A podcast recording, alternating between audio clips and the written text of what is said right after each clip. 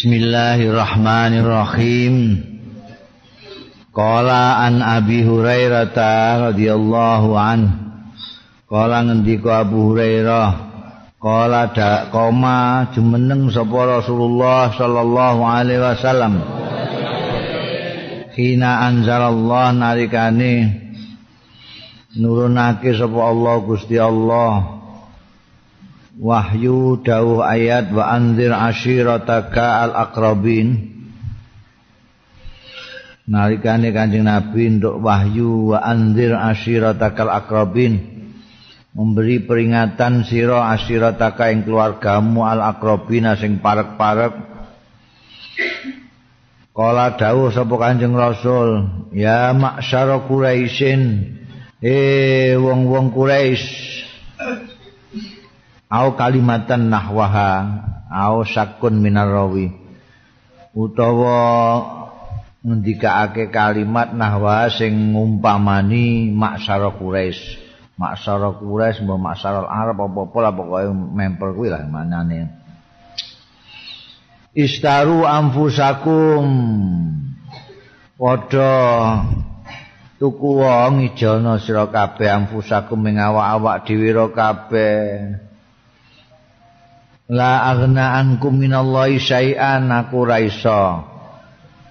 Belani nolak angkum saking sira kabeh minallahi saking Gusti Allah syai'an ing apa-apa. Dadi kowe dhewe lah sing ya bani abdi manaf. Eh anak turune abdi manaf.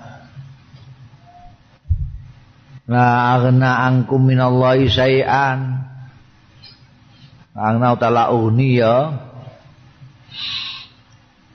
La uni ya. Ora mon manfaati sapa ingsun angkum saking sira kabeh minallahi saking Gusti Allah saeane ngopo-opo. Ya Abbas ibn Abdul Muttalib. La uni angka minallahi saean. Ora isa mbelani bantu maedai sapa ingsun angka saing sira minallahi saing Gusti Allah saean ing apa-apa. Aja mengharapkan kowe KKN aku mbek Gusti Allah.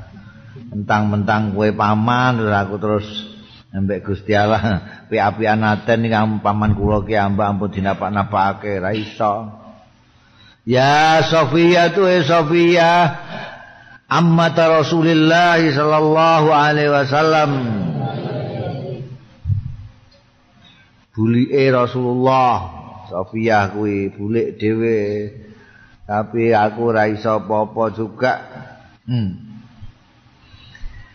angki saking sira gak angka tapi angki minallahi saen apa-apa. Ya Fatimah tuwe Fatimah binta Muhammadin putrine Muhammad salini jalu sira wadon min mali saking bandaku nek kowe njaluk aku duit tak kei masih ti gak masih ta. Jalu min mali saking banda ingsun ma ing barang sikti sing karep sing karep sira. Tapi aku la uguni angka minallahi sayan nek urusanmu karo Gusti Allah aku ora iso berbuat apa-apa. Iki tanggungan dhewe hmm. nggak bisa jadi KKN enggak ono KKN. Kerabat-kerabate Kanjeng Nabi mulai Bani Abdi Manab itu sampai pribadi-pribadi kayak Abbas Ibn Abdul Muthalib pamane Sofiyah bulie. Antek putrine Dewi Fatimah didawuhi dan mergo Kanjeng Rasul pertama kali untuk wahyu wa andir asyiratakal akrobi. Turun-turunmu sing cedak-cedak kandani Setialah gak nompo KKN. An Abi Hurairah radhiyallahu anhu anna Rasulullah istune Kanjeng Rasul sallallahu alaihi wasallam Ro'a ningali sapa Kanjeng Rasul rajulan ing wong lanang ya suku ingkang giring ya rajul badanatan ing unta badanan unta. Pakola moko dawuh sapa Kanjeng Rasul irkabha numpak ana sira wong lanang ha ing badana tumpak iya kok mbok tuntun ae kok Wong unta kok mbok tuntun, mbok tumpahi ra enakan. Pakola mongko matur sapa rajul, "Ya Rasulullah, duh Kanjeng Rasul, innaha badanatun." Setune badanan iku badanatun. Niki unta niki ternak sing ajeng anu disembelih kangge korban. Mosok kula tumpahi. Pakola mongko dawuh Kanjeng Rasul sallallahu alaihi wasallam. Irkabha numpak ana sira ing badana au waihaka bisania awi salisa iki sakun minar rajul irkab hawailak utawa wailak mbah waihak ngono. Ragu-ragu rawine iku. Wailak apa waihak maknane meh padha. Iku kaya pisuan tapi alus jadi maknane nek maknani letterlek ya jadi ora piso halus wong wae lagi cilaka kowe. Tapi iki biasane dinggo sing apa ora ora mengecam tenanan gitu gak sedengan lah wae lah. Cara kene ya kurang asem ngono. Kucing gelang ngono kok weteng ora. Kurang ajar kedhuwur kurang asem. Ya. eh dikandani ngono dikandani kan tumpaki kan tumpaki. Perkabha wailaka. Ilaka kowe iki Bisaniati ing dalem ambal sing kaping pindho awis salisate iki ya sakun meneh. Mbok sing kedua sing mbok ketiga sing kanjeng Nabi ngendika wae haka itu Jadi di ngendikani sepisan kok malah bantah ora gelem terus dipindoni karo ditambahi wae laka irkab ha wae laka kandhani karo nabi yo bantah. Sing ngerti hukumnya nabi. Jadi ora apa-apa. Nek kowe arep nyembelih sapi, sapi ini mbok tumpaki gak apa-apa. Emeh korban kebu, kebune mbok tumpaki ke omah ora apa-apa. Eh pikirane wong kan mangsane wong iki emeh dinggo korban, dinggo peparek karo Gusti Allah ora usah ditumpaki, gak apa-apa. Manfaatno sak durunge disembelih. Anibni Abbasin anna sa'adab anna sa'adabna ubadata senengane pegawe percetakan. Ning ngarokati iya iya ngene malah angel kabeh. Wong maca dibingung. Anna sa'adabna ubadata setune Sa'ad bin Ubadah tuwfiat ummuhu. Kapundhut sapa ummuhu ibune Sa'ad wa huwa ghaibun wa huwa kale utai saat iku ghaibun. Ghaib ora ana ning tempat anha saking umuhu ketika ibunya wafat dia tidak ada di tempat. Ora nunggoni lah maksudnya. Faqala mongko matur sapa saat ya Rasulullah? Tu Kanjeng Rasul inna ummi setune ibu kula niku tufiat kapundhut Kanjeng Nabi. Wa ana khale utahe kula iku kok ibun kula mboten wonten anha saking umi mboten nenggani. Ayam fa'uha nata manfaati ha ing umi apa saeun suwiji-wiji inta sadak lamun sedekah sapa kula bihi. Lawan sae anha saking umi.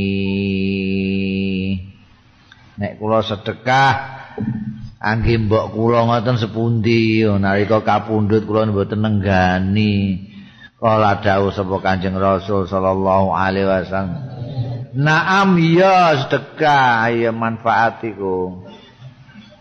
Kala terus matur sapa Sa'ad bin Ubadah fa ini utahi ingsun iku usiduka nyeksekake kula ing panjenengan annahaiti al-mihraf setuhune kebun kula al-mihrab niku sedekahun jenenge kebune mihrab. Dikai tanda kutip mihrab iku.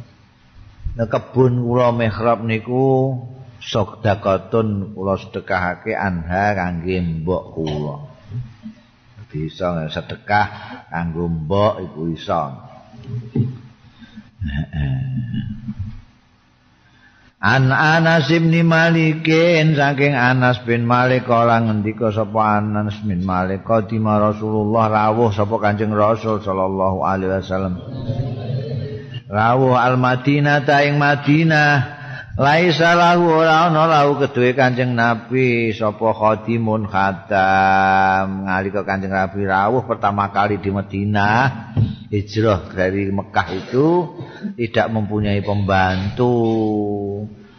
Pak Akhoda Abu Tolha mongko nyandak sapa Abu Tolha ta Abu Tolha biadi kelawan tanganku. Abu Tolha iki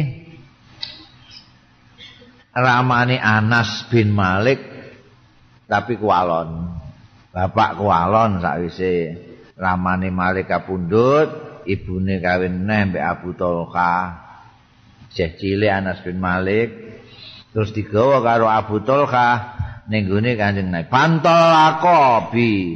Mongko budalan sapa Abu Tolha bi kelawan gawa ingsun ila Rasulillah marang Kanjeng Rasul sallallahu alaihi wasallam. Pakola mongko matur sapa Abu Tolha, "Ya Rasulullah, duh Kanjeng Rasul, inna anasan stune Anas niki niku gulamun bocah kaison sing pinter niki pinter sakmene. Wal yahdumuka muka supados ngladeni ki ambake Anas niki ing panjenengan. Jadi pertama kali sing marakno Anas bin Malik jadi khadame Kanjeng Rasul ngantek puluh tahun punjul iku mergo bapak kuwalane sing nyerahno ning Kanjeng Rasul. Kala ngendika sapa Anas bin Malik faqadam tuhu mongko nglayani ngladeni sapa ingsun ing Kanjeng Rasul sallallahu alaihi wasallam. Fi safari ing dalam tindakan bal khadari lan ing dalem omah. Ador itu kosok wang sule safar. Nek ora tindak jenenge khadar nek tindak safar tindak ora tindak aku ngladeni Kanjeng Rasul. Maka lali li syai'in ora tahu Kanjeng Nabi kala ngendika Kanjeng Nabi li marang ingsun li syai'in krana sesuatu sonak tuhu sing nindakake sapa ingsun hu ing syai' ora tahu ngendika tanda kutip lima sonak tahadza hakaza kene apa? Nglakoni sira hadza iki hakada kaya ngene. Kenapa ini kamu gini kan? Ngono gak tahu. Jadi selawase ya ono ya ini ngeladeni Kanjeng Nabi Muhammad sallallahu alaihi wasallam. Iku ora tahu Kanjeng Nabi ku kok ngelokno aku. Kena apa iki kok gak mbok kenekno? Kena apa iki kok mbok kenekno? Hmm. Kena apa iki pipa kok mbok ketok mangsane ngono Wala li lan ora krana suwi-wiji lam asnau kang ora gawe sapa ingsun ing syek tanda kutip menae iki dawuh Kanjeng Nabi ora tau ngendikake lima lam tasna hadza hakadha kene apa? Ora mbok kerjakan iki. Hakadha kaya ngene. Jadi melakukan sesuatu yang mesti tidak perlu dilakukan atau tidak melakukan sesuatu yang seharusnya dilakukan kanjeng Nabi sudah tahu negur karo khadame. Kene apa kok gak mbok kenekno? Ora tahu kene apa kok gak mbok kenekno? Ya ora tahu wah seneng dadi khadame kanjeng Nabi. Ora tahu dilokno. Hmm. biasane nek majikan ora trimo ngelokno plok nempiling bareng. Iki kudune dikenekno ora dikenekno tempiling plok. ngono. Anjing Nabi ku ndudono akhlake Kanjeng Nabi. An Abdullah bin Mas'udin kala ngendika Abdullah bin Mas'ud sa'altu nyuwun pirsa sapa ingsun Rasulullah ing Kanjeng Rasul sallallahu alaihi wasallam. Qultu maturku ngene, ya Rasulullah duh Kanjeng Rasul ayul amali afdol. Tawi napa amal afdalu ingkang langkung utama kiambak niku ngamal napa Kanjeng Nabi? Ora ngendika Kanjeng Nabi sing apik dhewe iku as-shalatu ala miqatiha sembayang ing atase wektune salat. Nek salat subuh ya ngene antarane jam 4 jam 5 nek jam salat iku wektune salat subuh. Nek kowe salat subuh jam 09 iku iku jenenge salat fi ghairi miqatiha. Sembayang di luar waktunya. Sing apik dhewe ning gone wektune. Kultu matur ku. Matur neh sapa ingsun Abdullah bin Mas'ud. Summa ayun. Ajeng napa malih kanjeng Nabi? Menika salat wonten wektalipun wonten wektalipun salat. Nggih. Lajeng napa? Kala birrul walidain. Dawuh sapa Kanjeng Rasul berikutnya adalah birrul walidain iku ya utama-utamane amal eh ngabekti ning wong tuwa loro. Wong iku ya sebab awake dhewe ana iku ya wong tuwa loro iku. Kultu saya matur meneh aku Suma ayun. Sak sampunipun ngabekti tiang kali Tiang sepakali Lajeng nopo kanjeng Rasul? Kala dawuh kanjeng Rasul al jihadu fi sabilillah. Jihad. Ini ranking ketiga jihad fi sabilillah itu. Jihad fi sabilillah. Nomor siji salat alami kotiha birul waliden kok jihad kok ning guri kena apa? Mergo jihad itu fardu kifayah. Iki salat fardu ain Fasakatu bareng wis ketiga iku tekan jihad fisabilillah fasakatu mongko kendel ora takok meneh aku. Ora muni suma ayun suma ayun neh. Fasakatu an Rasulillah saking Kanjeng Rasul sallallahu alaihi wasallam Walawis tazattuhu kok lamun nambahi sapa ingsun ing Kanjeng Nabi lazadani yekti nambahi sapa Kanjeng Rasul ing ingsun Kanjeng Rasul iku segara. Nek aku kok isih takok Pak iya. Cuma ayun ya dijawab meneh. Cuma ayun dijawab meneh Kanjeng Nabi. Tapi aku mandek dadi mau tekan telu iku mau telu An Ibni Abbas saking Abdullah bin Abbas kala ngendika Abdullah bin Abbas kala dawuh sapa Rasulullah sallallahu alaihi wasallam La hijrah ba'dal fathi ora ana hijrah iku maujud ba'dal fathi sause fathu Makkah. Biyen asale hijrah ana sing ning Afrika ning Habasah saiki Ethiopia iku.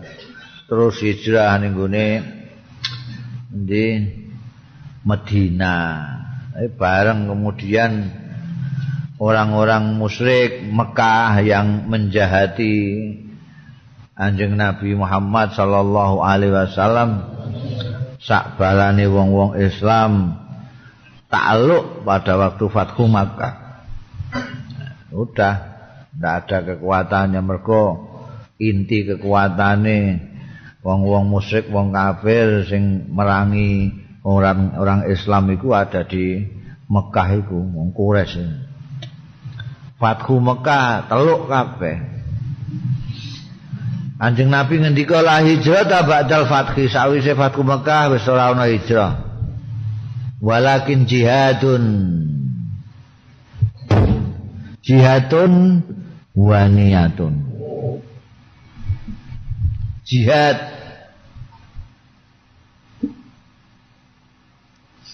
Waniatun lan niat berbuat baik niat jihad. Jihad sendiri atau niat kalau tidak ada yang peperangan lah apa lah apa. Niat tok akan melakukan sesuatu yang baik meninggalkan yang buruk. Wa idzastum firtum mongko nek dituntut untuk berangkat berjuang. Pamfiru mongko berangkat sira kabeh. Siap.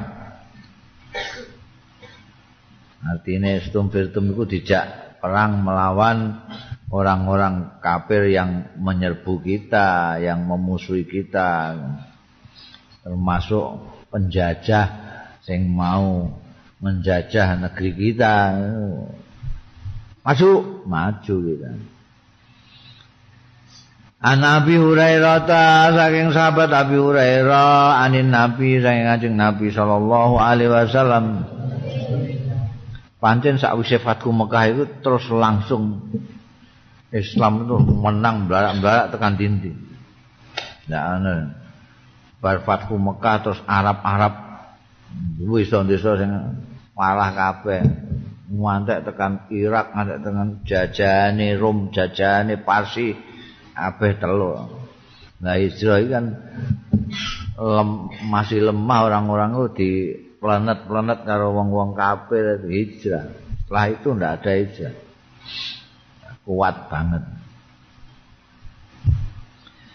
An Abi Hurairah ta'anin Nabi sang sangkan Kanjeng Nabi sallallahu alaihi wasallam kala ngendika Kanjeng Nabi kala Sulaiman bin Daud alaihi salam Suatu ketika Nabi Sulaiman ngendika alaihi masalam go tetep ing atase Nabi Sulaiman lan ramane Nabi Daud. Assalamu ta'i salam. Dawuhe Nabi Sulaiman piye suatu ketika la atu fannal lailata alami ati imraatin.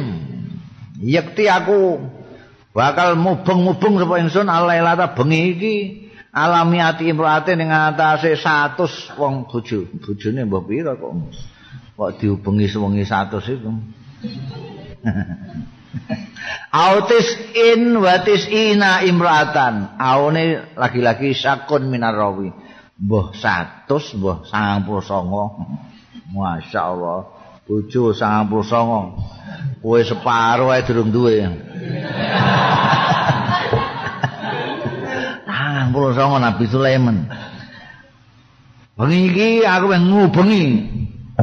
Bojo-bojoku sangang puluh songo apa satu Engko terus kulhuna yakti bifarisin terus demeteng kabeh. kulhuna terus kabehane satu apa sangang puluh songo mau yakti tumek teko bifarisin lawan seorang pejuang apa jenenge Faris itu pejuang penunggang kuda.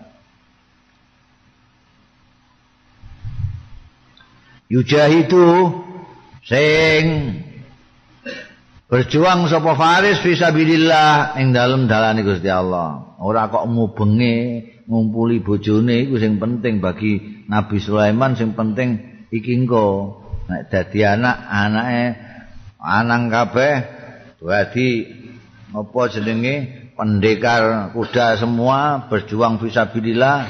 Nah, di ini anake di ini tok 99 wong. Hmm.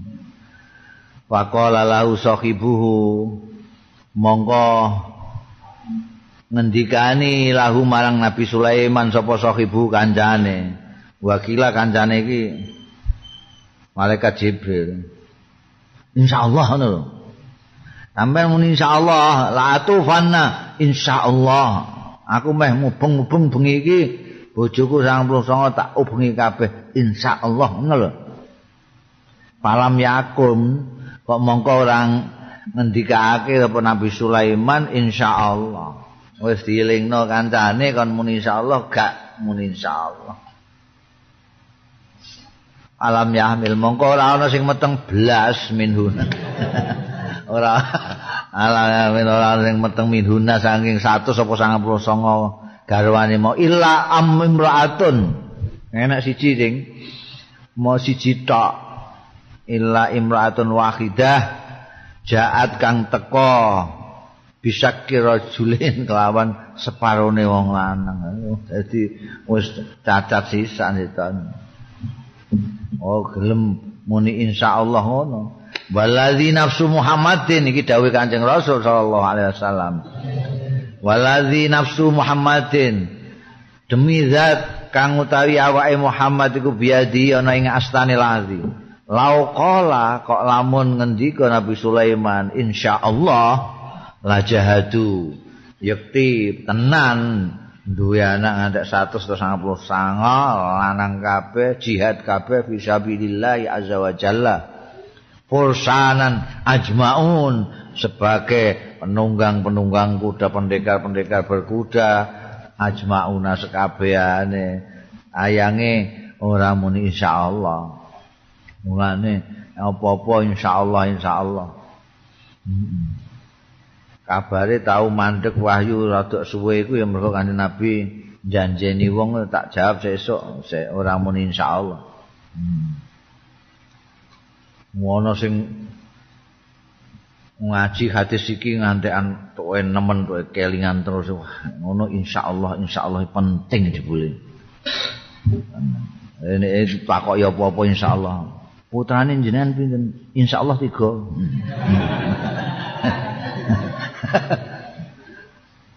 Iya. Ana sing ora muni insyaallah. Ning pasar takoki ngom nggawa wedhus nggawa wedhus Mendi kang pasar. Apa? Iki dodol wedhus. Insyaallah ngono kan. Oh, sekaluane mek tak gawe ning pasar tak cekeli ngene kok dadak insyaallah barang. Kali-kali ana preman wedhuse diswaut. Lah, kasih dodol. mulane terus kapok kanji jadi takoki wong sesuk insyaallah. Numpak bis ning ndi numpak bis insyaallah.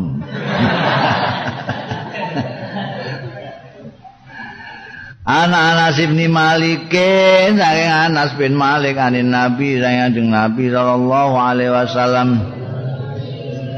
At-ta'un utawi ta'un iku syahadatun merupakan syahadat kesaksian aliklik lakum kanggo sira kabeh. Likulli muslimin tumrape wong-wong Islam. Ini diwedeni wong-wong taun itu. Penyakit yang esok loro sore mati sore loro esok mati. Taun. Oh, sing maknani taun itu kosta lepra. Ana sing maknani itu merupakan ya pagebluk lah penyakit yang tidak ada belum ada obatnya. Nah, saiki kira-kira kanker itu ya termasuk tahun juga. Itu syahadah di kulli muslimin. Artinya piye? Artinya wong sing kena tahun mati karena lepra kusta karena itu dihukumi syahid. Ano ya. Jadi syahid itu ono sing syahid dunya tok ono syahid dunya kerat ana sing syahid akhirat tok. Syahid akhirat iku ya sing iki sing lara taun barang ngono kuwi iku matine mati syahid. Secara lahir secara dunya ora dianggap syahid mek wong-wong iku.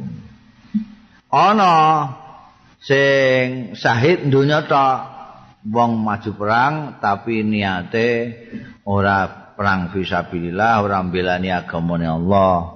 Utawa balik dalan. Mergo wedi mek Musa. Tapi terus kepanah kongguri mati. Matine jarine wong-wong sahid wong iku ning peperangan.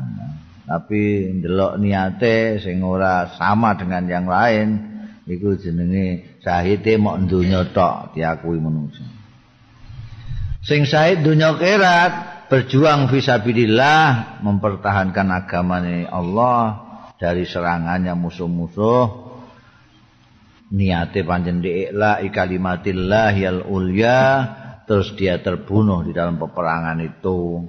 Itu syahid dunia kerat Anil Barra ibn Azib Kala ngendika Barra ra'aitun nabiya ningali sapa ingsun ing Kanjeng Nabi sallallahu alaihi wasallam Kala ngendika sapa Kanjeng Nabi yaumal ahzab ya ana ing dina ahzab.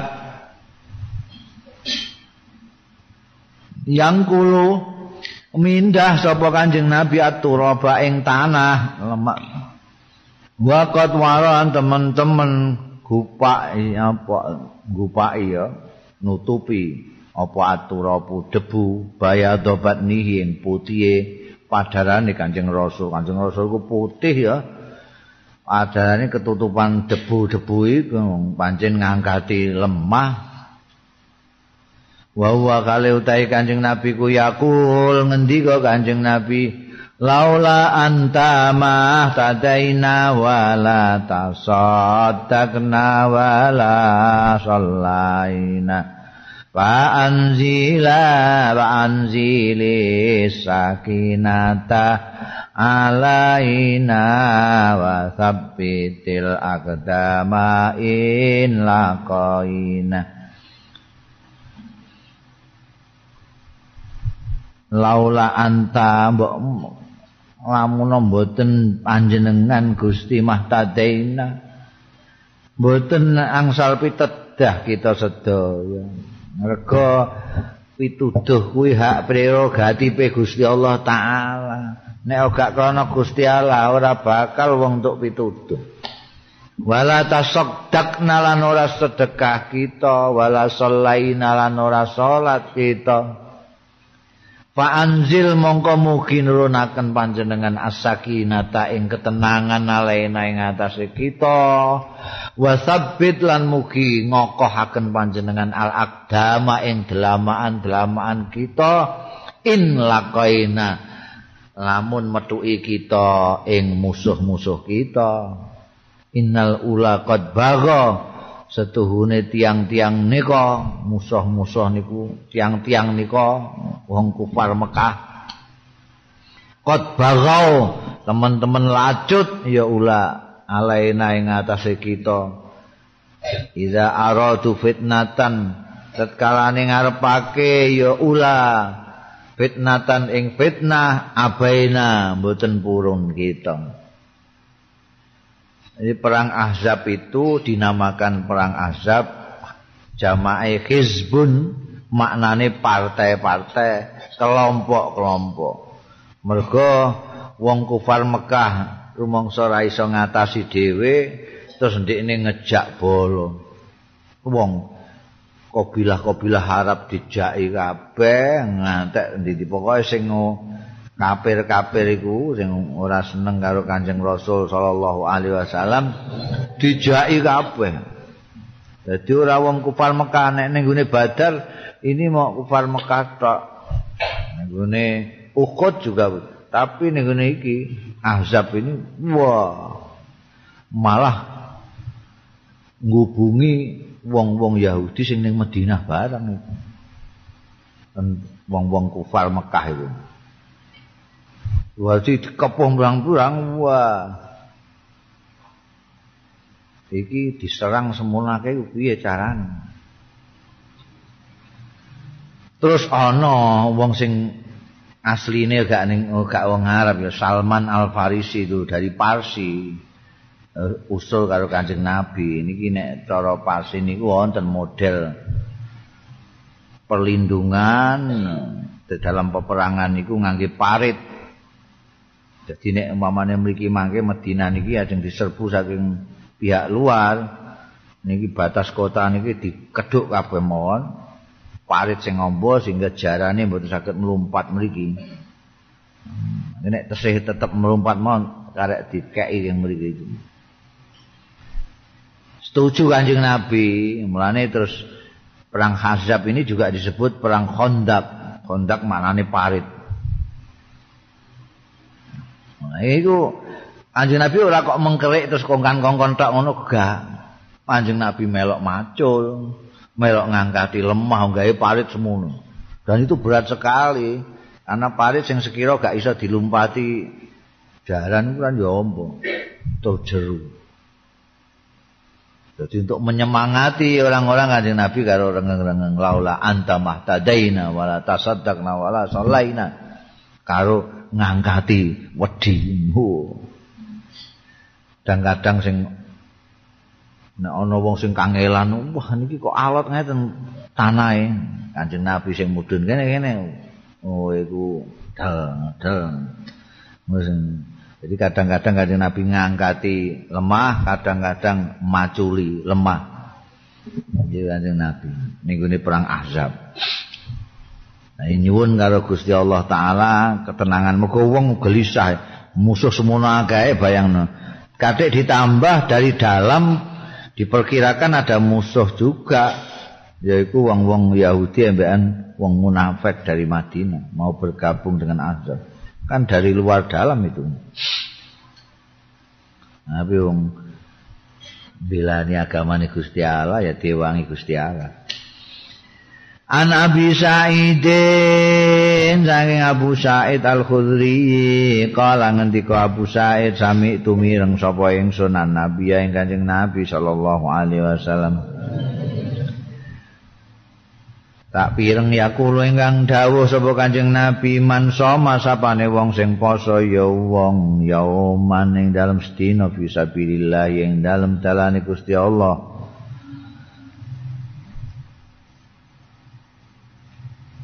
Ya'udullah wajahu Ba'adallah wajahu Mongko ngaduhake sapa Allah Gusti Allah wajahu ing raine man soma Anin nari saking neraka sab'ina kharifan. Jarak pitung puluh kharif. Pitung puluh tahun berarti kharif itu jenenge salah satu musim. Musim rontok itu jenenge kharif Ini wong wong Arab duwe empat musim kaya wong Eropa. Musim dingin sita, musim panas saif, musim semi rabi, musim rontok kharif. Ini maksudnya satu sab'ina kharifan pitung puluh apane tahun. Dalam keadaan perang, jihad visabilillah, kok isih poso. Ana sing poso soma yauma. Sehari saja dia poso dalam keadaan jihad fisabilillah dia akan dijauhkan Allah dari neraka 70 tahun perjalanan. Eh, 70 perjalanan iki nek tumpakane tumpakan kol karek mbok ping 60 iya nek numpak jet. Mulai aduh meneh. Kan sab'ina khoriban. An Zaid bin Khalid lain Zaid bin Khalid radhiyallahu anhu anna Rasulullah istune Kanjeng Rasul sallallahu alaihi wasallam. Kala ngendika sapa Kanjeng Rasul? Manjah azza ghazian. Sapane wong sing mempersiapkan yaman ghazian ing wong sing arep berangkat perang fisabilillah ing dalem dalane Gusti Allah faqad ghaza mongko temen-temen perang sapa jaza. Kowe mau nyiapno to? Apa sing mbok perlono kanggo meh-meh perang iki? Ya ya mau kendaraan to iku apa jenenge? Jaran pedang anu. Ya sik tak siapno. Nyes kono nek arep mangkat. Dene gak mangkat lah iku jenenge ghaza. Mergo nyawisi mempersiapkan orang yang berangkat. Waman khalafa ghazian sapaning wong sing ganteni ya man wasiyaning wong sing perang fisabilillah ing dalem dalane Gusti Allah bi khairin kelawan bagus. Fakat ghaza monggo teman-teman juga perang sapa man kaya Sayyidina Utsman bin Affan tidak ikut perang Badar. Tapi diserai ditinggal oleh Kanjeng Rasul diserai untuk ngurus Madinah. Ada waktu Kanjeng Nabi dan pembesar-pembesar Islam ini semuanya ke Badar. Jadi harus ada yang ditinggal di sini untuk tunggu Madinah. Kalau ada apa-apa. Nah, itu sama saja makanya Sayyidina Utsman apa itu termasuk Ashabul Badri meskipun tidak langsung ke Badar untuk perang bersama. Ya. Nyawisi utawa makili tinggal orang yang pergi. Sare aku iki emeh berangkat perang nih anakku iki engko sing ngopeni sapa? Wis tak openane kowe nek emeh mangkat perang. Kowe muni ngono kuwi ngopeni anake. Iku padha karo kowe melok perang juga gitu. Anabi Hurairah ta yaqulu ngendika sapa Abu Hurairah Kala Nabi Udawu sapa Kanjeng Nabi sallallahu alaihi wasallam manih tabasa farosan sapane wong sing nyancang ya man Parosan ing kuda jaran fisabilillah kanggo persiapan ing dalam berjuang fisabilillah. Imanan krana iman billahi kelawan Gusti Allah wa tasdiqan lan benerake biwakdi kelawan ngiyakini percaya. Biwakdi kelawan janjine Gusti Allah. Fa inna shibaahu. Mongko setuhune wareke faros. Wariyahu. Lan segere faros. Riyu itu seger iku artine ana sing warek kok sego kok telo iku jenenge siba nek warek saka ngombe iku ri wariyahu lan segere maknane segere ae. Bar ngombe biasane glegeken terus segere can warek tekse sibaahu wariyahu warausahu lan tletonge faros wa baulahu lan uyuwe faros. Iku fi mizanihi dilebokno ing dalem timbangane man yaumal kiamat ya ana ing dina kiamat. Pemene nek berangkat perang? Iki durung berangkat perang. Ya mok nyancang tok disiapno kanggo engko nek ana istinfar ada perintah untuk berjuang melawan orang-orang musyrik atau penjajah dia cemplo kuda itu. Nah, dia percaya kepada Allah dan percaya janji-janjinya Allah Ta'ala maka setiap apa jenenge jaran kuwi warek apa dari makanan apa dari minuman apa letong kencing semua. Ini kira-kira nyombore bro. Nyombore ku sedina ngentekno dedek pirang kilo wabeh engko iku ditumplekno ning gone timbangane wong sing duwe jaran iki. Jadi timbangane berat banget wong iku yaumul kiamah. Padahal fa amman sakulat mawazinuhu fa huwa fi isyatir radiyah. Timbangane wong iku abot ndekne uripe nanti ning yaumul kiamah sono hidup yang bahwa fi isyatir radiyah dalam kehidupan yang memuaskan. An Muadzin saking Muadz bin Jabal radhiyallahu anhu seorang sahabat besar yang pernah diutus jadi delegasi dening Rasulullah ke Yaman ke jazirah Arab sebelah selatan. Kala ngendika sapa Muad kuntu ana sapa ingsun Ridvan Nabi nggoncek Kanjeng Nabi sallallahu alaihi wasallam ala khimare ning atase khimar.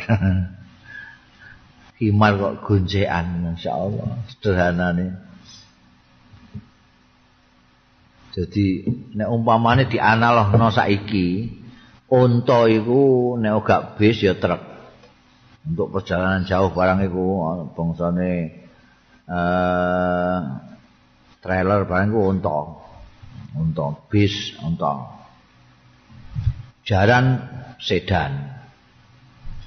Sedan lah paling murah ya apa jenenge kijang lah itu itu jaran. Nek bangsa khimar ya sepeda motor iku sepeda motor atau sepeda ontel. Mergo ning dhuwure jauh no bigol Dure khimar ngisore jaran si ana bihol. Bihol sepeda motor, khimar ya sepeda ontel. Berarti terus ngunjak sepeda ontel lan nggone mamen. Masya Allah. Pemimpin agung numpak sepeda ontel. Ngunjekno santri ini sing senior Muad bin Jabal. Hmm. Ala khimarin lahu di atas khimar lahu kagungane Kanjeng Nabi yukalu kang diundang lau kedue khimar diundang ufail ufail Kanjeng Nabi itu semua binatang peliharaannya dikasih nama semua. Ada jenis koswa, ada jenis ufail. Ini dinamakan nanti.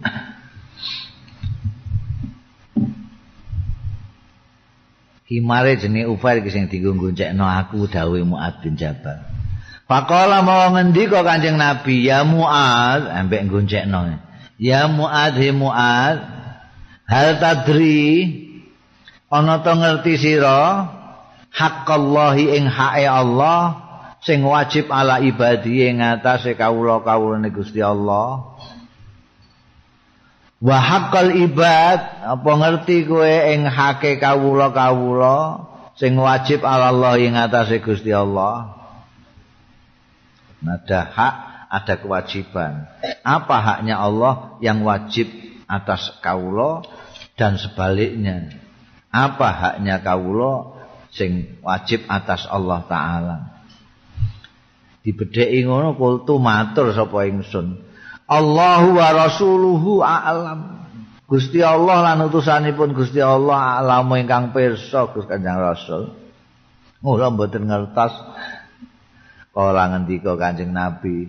Fa inna haqqallahi setuhune hake Allah sing wajib ala ibadi ing atase kawulane Allah iku ayak buduhu yen to nyembah ya ibad.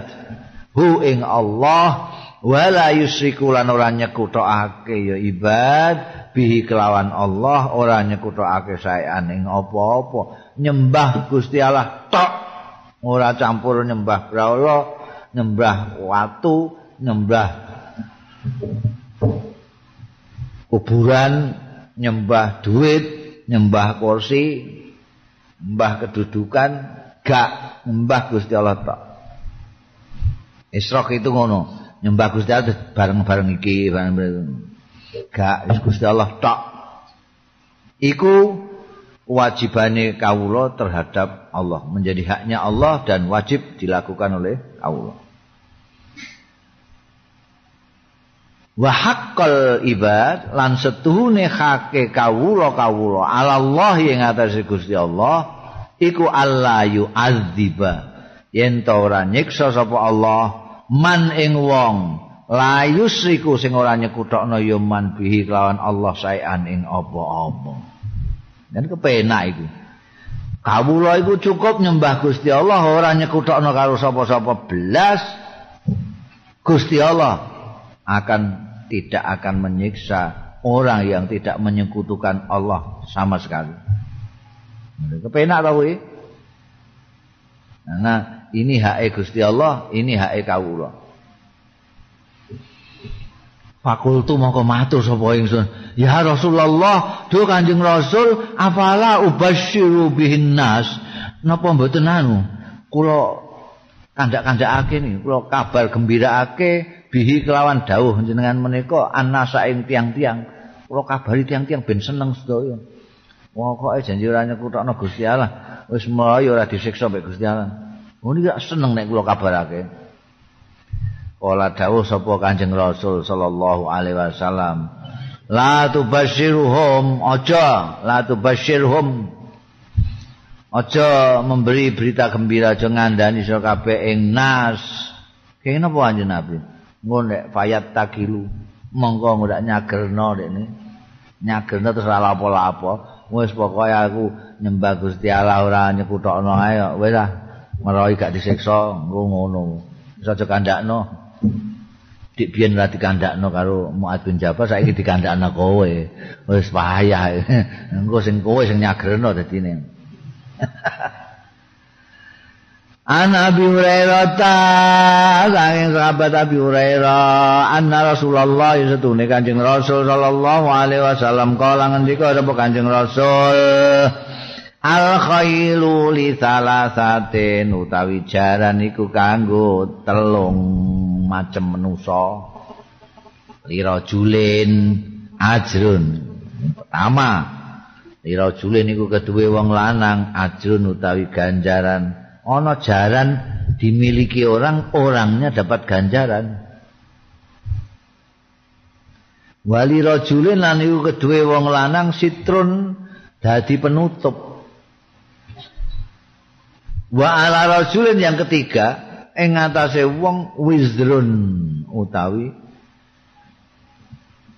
siksa dosa ana sing entuk ganjaran ana sing entuk penutupan sitrun iku nutupi ndekne ana sing malah dadi mala wizrun. Fa ammal ladzi lahu ajrun mongko utahi wong lahu kang iku keduwe ladzi ajrun ganjaran para julun mongko wong lanang robatoha sing nyancang ya rajulun ha ing khail fisabilillah ing dalem dalane agamane Gusti Allah memang jaran itu dicancang dipersiapkan untuk nanti keperluan berjuang fisabilillah.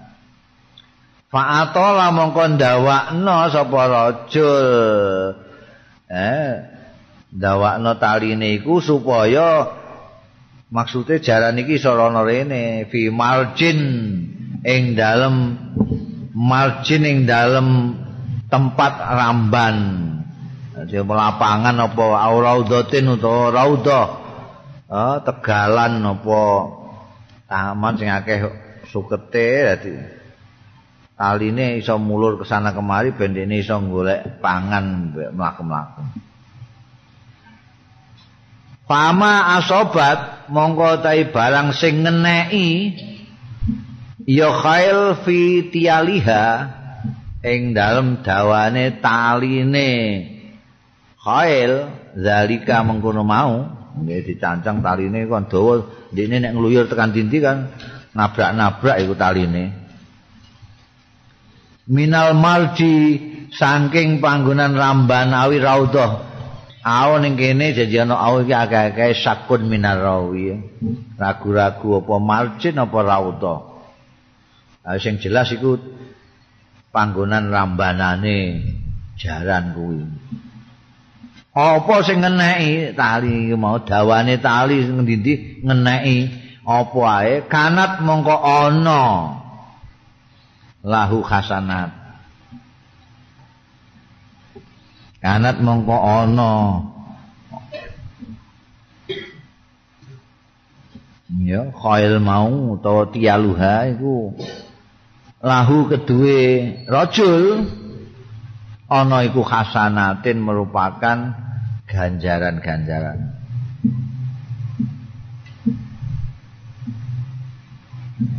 Taline nabrak iki untuk ganjaran, tan taline nabrak iki untuk ganjaran. Walau annaha qata'at. Lamun setuhune khail iku qata'at mutus tialaha. Ing taline mau Iku nek wonten tali ini, dadi tali ini nabrak-nabrak terus untuk ganjaran. Lah nek kiambake medhot tali ini. Lau anna lamun stune khaliku qata'at mutus ya khail tialaha ing taline khail pastanat mongko ingkrak-ingkrak seneng lah pastanat mongko lincak-lincak ya khail sarofan au sarofen satu langkah atau dua langkah ke sana kemari. Kanat mongko ana apa? Arwa suha. Letong-letonge wa asaruha lan tipak-tipake khasanat. Tan iku merupakan ganjaran bagusan lahu kedue rajul Walau anha marat mengucul walau anha lamun setuhune khail iku marat liwat. Binahrin ana ing kali pasaribat mongko ngombe apa khail minhu sangka kali mau. Padahal walam yurid lan ora ngarepake sapa rajul ayas kiyaha yen to ngombeni sapa rajul ha ing khail sing duwe ora kok niat ngombeni tapi jarane dhewe ngombe karep-karepe dhewe tetep kana zalika ana apa zalika mengkono-mengkono ngombene jaran mau hasanatin iku dadi ganjaran lau kedue rajul ganjaran tok pokoke.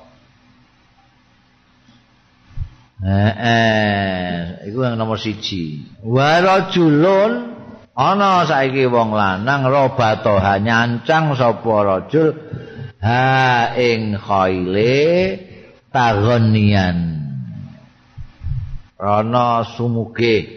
Ben ora butuh rana apa-apa butuh rana wis pokoke aku duwe jaran wis cukup wa ta'affufan lan menjaga kehormatan diri. Eh? Ora dinggo perang tapi dinggo apa jenenge? Ya duwe-duwenan ben kira-kira nek ana apa-apa ndekne iso didol apa iso piye. Tumalam yansa mongko keri-keri ora lali sapa rajul iki haqqallahi ing hake Gusti Allah firika biha ing dalem gulune. Khair ya tetep dipakani diombeni. Wala zuhuriha lan geger-gegere. Khair ya. Pakanane ngombenane apa namanya jenenge ya.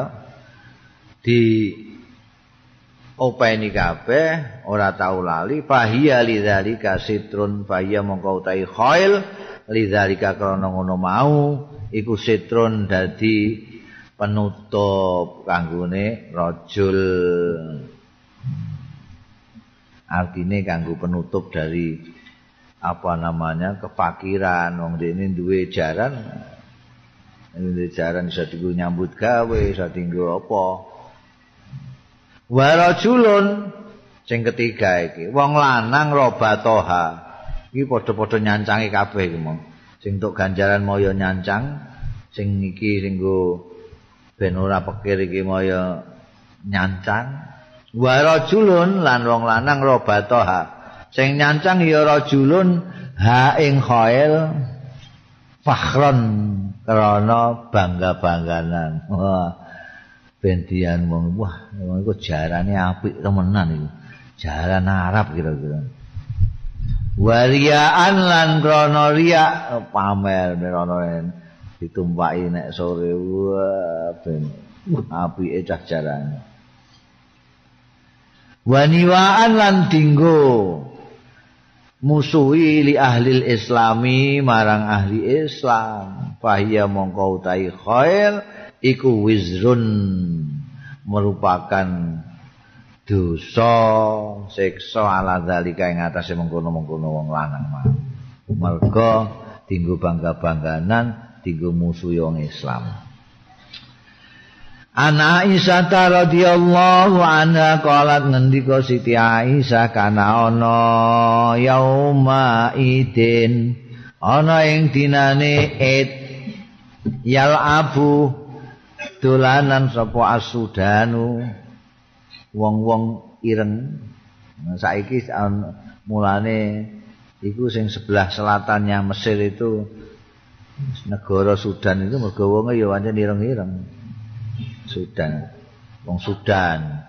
Wong Sudan lagi main. Pas hari raya main. Bidaraki wal khirab Darok iku jamake darka iku tameng sing saka kulit. Nek saka anu iku sing saka logam jenenge mijan iki. Mijan iku. Tameng nek sing saka kulit jenenge iki. Darok iki. Wal khirab lan tombak. Jadi ini kesenian rakyat Sudan, kesenian rakyat Sudan. Apa tari perang, istilahnya tari perang. Nek kene ya kaya Papua punya itu. Wong orang keseniane meh padha iku. Nggo tombak ambekan tameng oh uh uh uh ngono bae. terus jalan numpak jalan ya jalane lincak-lincak menari-nari wonge nari-nari tari perang lagi main iku Pak Ima aku rada lali iki. Pak Ima saaltu apa ana kalane aku sing nyuwun Rasulullah ing Kanjeng Rasul sallallahu alaihi wasallam. Wa ima qala utawa ana kalane Kanjeng Nabi sing nawani. Ngendika Kanjeng Nabi tastahina kepengin tah sliramu antal durin. Yen to ningali sira ana main dangdung dangdung dangdung. Dar dar dar terus mbah aku sing kula kepengin ningali mbah aku sing ngono mbah Kanjeng Nabi sing nawani kowe kepengin ndelok ta? Fakultu moko matur ingsun naam nggih kanjeng nabi. Fa'aqamatni moko ngedekake sapa kanjeng nabi ing ingsun waraahu ana ing burine kanjeng nabi mergo sing delok iku wong lanang-lanang tok Siti Aisyah ditawani pengen delok kene ning guriku fa'aqamatni waraahu Khadi utawi pipi ingsun iku Allah khadi ing atase pipine Kanjeng Rasul. Wah, mesrane. Wah, aku. Ari ndelok ngono nempel ning gune-gurine Kanjeng Nabi. Ambek nonton niku kesenian rakyat Sudan iku mau ya. Wa yaqululan dawuh Rupane wong Sudan rada sungkan juga kok ana Kanjeng Nabi ambekan Siti Aisyah nonton. Waya kula ngendika Kanjeng Nabi, "Dunakum wis terusno Bani Alfida dunakum." Nek kono ana cara kene wis kono terusno Bani Alfida ta eh Bani Alfida. Lalu leren sungkan ana piye ditekan terusno Kanjeng Nabi. Terusno. Kata ida malatu sehingga nalikane wis bosen sapa ingsun tarian ngono ngono tok ae aku wis bosen bareng aku wis bosen kala dawuh sapa Kanjeng Nabi Hasbuki wis cukup tah siramu Kultu matur sapa ingsun naam nggih sampun. Kala padhabi wis kana mlebu Iki sing digo dalil apa tari-tarian rakyat iku oleh. Delok ngono barang iku ora apa-apa nek bodho. ngono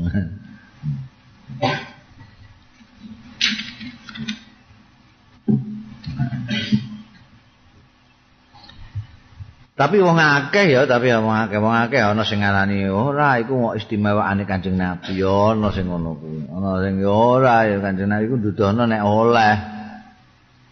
kesenian oleh. Ana sing rada tengah-tengah antarane oleh mbek gak oleh oleh nek bodho. Ngono kan? Lan sing ana sing ana sing nek sing nambahi oleh nek bodho lan sing suasanane kaya bodho ngantenan sunatan barang ngono kuwi. Jenenge wong akeh. An Ibnu Umar anin Nabi tangking Abdullah bin Umar anin Nabi saking Kanjeng Nabi sallallahu alaihi wasallam. Kala ngendika sapa Kanjeng Nabi juila rezeki tata zilli rumhi didadekake apa rezeki-rezeki ingsun tahta zilli rumhi ana ing isore. Ayang-ayange tombakku. Ora ning tombakku ning ayang-ayange tombakku. Waju ilalan didadekake apa azillatu keasoran wasagharan kerendahan alaman khalafa amri. Ing atase wong khalafa sing menentang yoman amri ing agama ingsun perkara ingsun jadi sing nentang itu merai menjadi hina asor lah aku dhewe malah entuk rezeki nek ana sing nentang. Mergo apa rezekiku iku di bawah bayang-bayang tombakku. Nek ana sing nglawan tombak tak cekeli ngono ae wis entuk rezeki aku. Maksude ghanimah ghanimah. Jadi ora perlu perang kadang-kadang ora perang wong wis telak teluk dhisik. Untuk ghanimah rezeki. Wah, berlimpah-limpah. Ghanimah itu. Tapi wong Kanjeng Nabi ora seneng sugih dadi ya pas kapundhut barang ya ora ninggal apa-apa, malah ninggal utang. Gadean ngene wong Yahudi. Padahal nek kersa Kanjeng Nabi Masya Allah. Setiap perang untuk ghanimah semono. Fek segala macam kan dibagi lima mesti untuk bagian kan jenengan. melok perang malah mimpin An Anasin radhiyallahu anhu anna nabiyya satune Kanjeng Nabi sallallahu alaihi wasallam rakhasa memberi kemurahan sapa Kanjeng Nabi li Abdurrahman marang Abdurrahman bin Auf wa Zubair lan sahabat Zubair bin Awam. Fi komisin haririn ing dalem kamis sutra untuk keistimewaan untuk kemurahan Abdurrahman bin Uf bin Zubair bin Awam iki kena nganggo pakaian sutra. Mergo apa? Min ikatin jalaran saking gatel-gatel kanat kang ana ya hika bihima ana ing Abdurrahman bin Auf lan Zubair. Gatel-gatel itu terus saya gudik itu terus. Nek dipakai pakaian sing ora kaya sutra Wah, yes, masya Allah tambah kembarak-kembarak itu. Terus dikai kemurahan untuk nganggu sutra. Ya, ora panas, ora gatel, adem. Ya, agama Islam itu ora kok terus kaku, nek gak oleh terus gak oleh terus. Ono ora ono kemurahan-kemurahan itu. Kaya pamane poso, terus kue ra kuat ya oleh moka. Kowe engko ngijoli. Nek ana alasane kene apa kowe gak kuat? Nyusoni anak kene kula kesah tebih teng Jakarta ngorong kene sakit kula kene piye? Sembayang duhur aku kudu ping papat. Kadang-kadang kena mok loro tok. Nek kowe lunga ado iso mbok koso dadi loro. Tidak kaku sama enak sekali. Gak oleh nganggo sutra wong lanang. Tapi nek ana alasan yang membolehkan ya boleh An Abi Hurairah radhiyallahu anhu kala ngendika sapa Abu Hurairah kala Rasulullah sallallahu alaihi wasallam La taqumu sa'atu ora jumeneng apa saatu dina kiamat hatta tuqatilu sehingga merangi sira atulka ing wong-wong Turki. Wong Turki mbah wong Turki kuwi mbah ora. Mergo kenapa tidak orang Turki itu? Mergo penyipatane Kanjeng Nabi orang Turki itu sihorul ayun mripate cilik-cilik.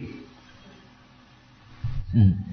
matane cilik-cilik ora kaya wong Arab wong Arab mripate ombo-ombo sihal ayun mripate cilik-cilik khumrul wujuh raine wabim iki malah kaya wong Tibet gitu ya wong Tibet zulfal unuf sing mekrok-mekrok untuk irunge gedhe irunge. Ora mancung kaya wong Arab mekrok gedhe ngono.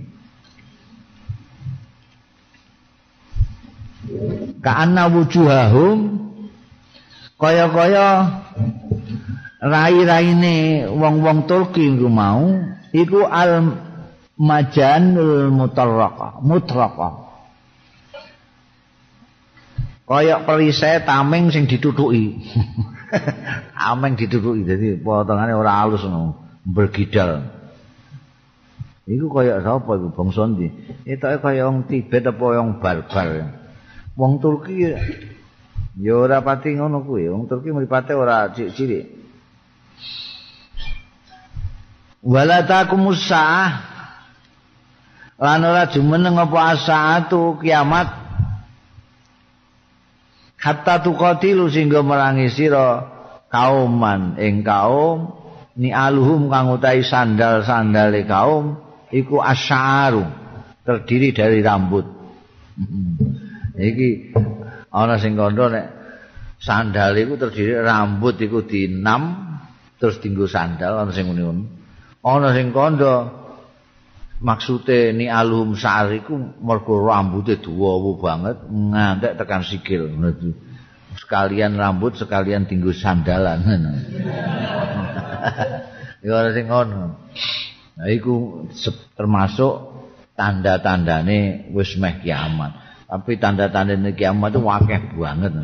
Umumnya wis banyak yang terjadi saiki iki.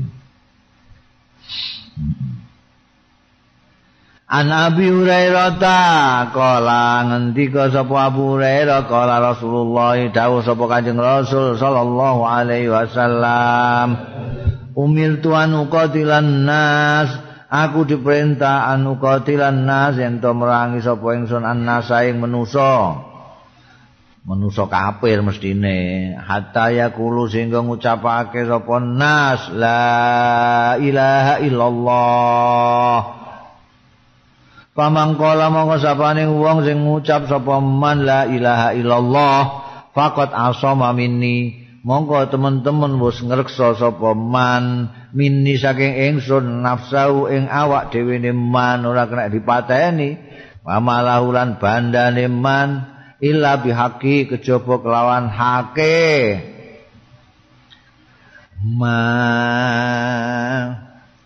hake wong mang wa khisabu tai khisabe man Allah ing atase Gusti Allah. Dadi wong sing wis syahadat maca la ilaha illallah itu berarti dia sudah menjaga dirinya tidak akan diapa-apakan oleh Anjing Rasul sallallahu alaihi wasallam. Jiwanya juga tidak boleh ude-ude kecuali bihakihi dia mateni wong lalu dipateni itu salah dewe tapi kalau tidak karena apa-apa tidak boleh. Wa malihi bandane juga gitu. Bandane selamat tidak akan dirampas tidak akan diapa-apain. Kecuali dia ini nggak asap berarti itu dirampas sampai pemerintah. An Abdullah bin Abi Aufa saking Abdullah bin Abi Aufa anna Rasulullah setune Kanjeng Rasul sallallahu alaihi wasallam Biba di ayami yang dalam sementara dina-dinane Kanjeng Nabi allati laqiya fiha kang ketemu sapa Kanjeng Nabi fiha ing dalam lati ayam ketemu al adua yang musuh. Intadara. Biba di ayamihi intadara ngenteni sapa Kanjeng Rasul khatta malat sehingga condong apa asam susul Tuma koma mongko keri-keri jumeneng Kanjeng Nabi finnasi ing dalem wong-wong. Pakola mongko ngendika Kanjeng Nabi ayuhan nas. E wong-wong la tamannau aja padha ngarep-ngarep sira kabeh liko al adu ing ketemu musuh. Was'alullah al afiyah lan jalu sira kabeh Allah ing Gusti Allah al afiyah ta ing slamet. Tapi fa idza lakitum Monggo tatkalane ketemu laki tumuhum. Tatkalane ketemu sira kabeh hum ing musuh-musuh. Pasbiru monggo sabar tabao sira kabeh aja mlayu. Wa lamu lan ngerti sira kabeh annal jannata setune swarga iku tahta dziralis suyuf di bawah bayang-bayangnya pira-pira pedang. Tumakola kari-kari Aos Kanjeng Nabi Allahumma munzilal kitab. Duh pangeran Gusti Allah pangeran kula munzilal kitab ingkang ronaken kitab kula. Wa mujriyas sahab lan sing nglakokake mendung. Wa hazimal ahzab lan sing mlayokake musuh-musuh. Bolo-bolo musuh. Ezimhum mugi melayakaken panjenengan ngalahaken panjenengan ing ahzab wansurna lan mugi nulungi panjenengan alaina ing atase kita. Jadi nek pada waktu perang Kanjeng Nabi itu selalu menunggu kalau sudah rada adem bar, zuhur ngono kae uh, matahari sudah lingsir Anjing Nabi wis pidato di depannya pasukannya. Ini sekarang kalian jangan mengharap kepengen wah gandrung ketemu kepengen ketemu musuh tak sikate ya nek tak sikate nek kowe sing nikat nek kono sing nikat. Aja mengharapkan ketemu musuh. nyuwun ning Gusti Allah ae supaya selamat wilujeng. Tapi kok sampai ketemu dengan musuh, kowe aja mundur, aja melayu. Yang sabar. Mergo kamu tinggal sedikit itu dengan surga itu. Kalau ketemu musuh itu. Di bawah bayang-bayang pedangmu itu surga. Bar pidato terus baru Kanjeng Nabi ndonga niku Gusti Allah taala baru lanjut. Nah, gitu. Ana Abi Hurairah ta? Kala dawuh sapa Abu Hurairah? Kala ngendika sapa Kanjeng Rasul sallallahu alaihi wasallam? Kullu sulama utawi saben-saben ros-rosan minan nasi saking manusa alaihi kuwi ngatasé kullu sulama sedekahon sedekah. Kula yaumin ing dalem saben-saben dina tatluu sing muncul fi ing dalem yaum apa samsu sengenge ya dilubaina ini sedekah kok ngadili sapa wong bainas ini antarane wong loro sedekah niku merupakan sedekah. Wa yu'inu rajul ala dabatihi payam alaiha wa yu'inu lan bantu sapa wong arrajula ing wong lanang ala dabati ing atase tumpakane rajul Payah hamilu alaiha mongko ngangkat sapa wong alaiha ing atase dabah. Momot mati apa jenenge? Ana wong nggawa glangse ning gone gonjekan sepedane kok medet-medet arep ceblok kowe mbok angkat nang kang benakno sih iki ceblok nggo kowe utar kacir gabamu eh cekelise sepedamu tak benakno. Mbok angkat. Mbok angkatno sing wis arep ceblok iki. Untuk ganjaran sedekah iku kowe. Hmm. ana wong gegeran terus mbok tengahi.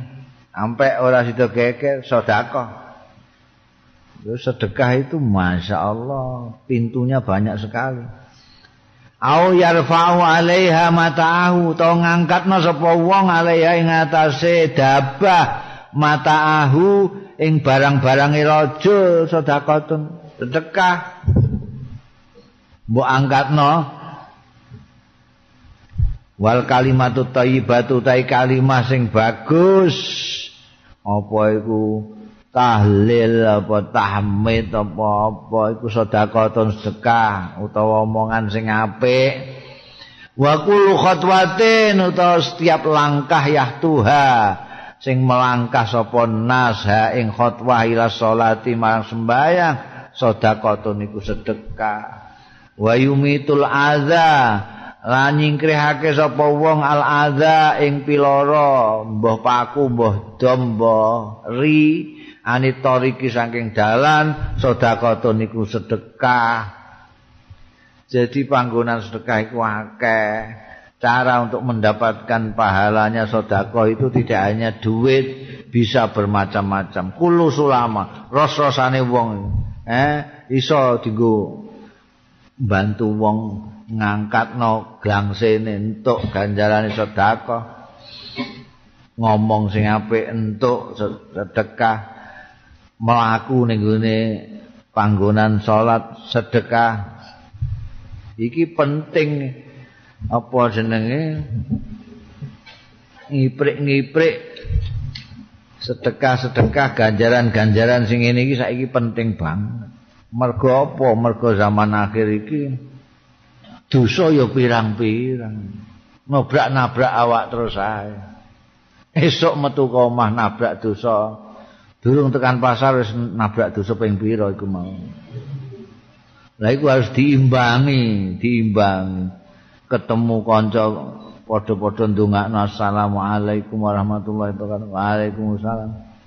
Nek ana anu ditulungi ana wong tuwa emeh nyabrang ora wani sabrangke anu kabeh iku sedekah kabeh. Ya. Jadi engko kan ditimbang timbanganmu. Nek ora mbok sa saingi mbok imbangi karo sing ngene-ngene iki, engko timbangan ning kono jomplang.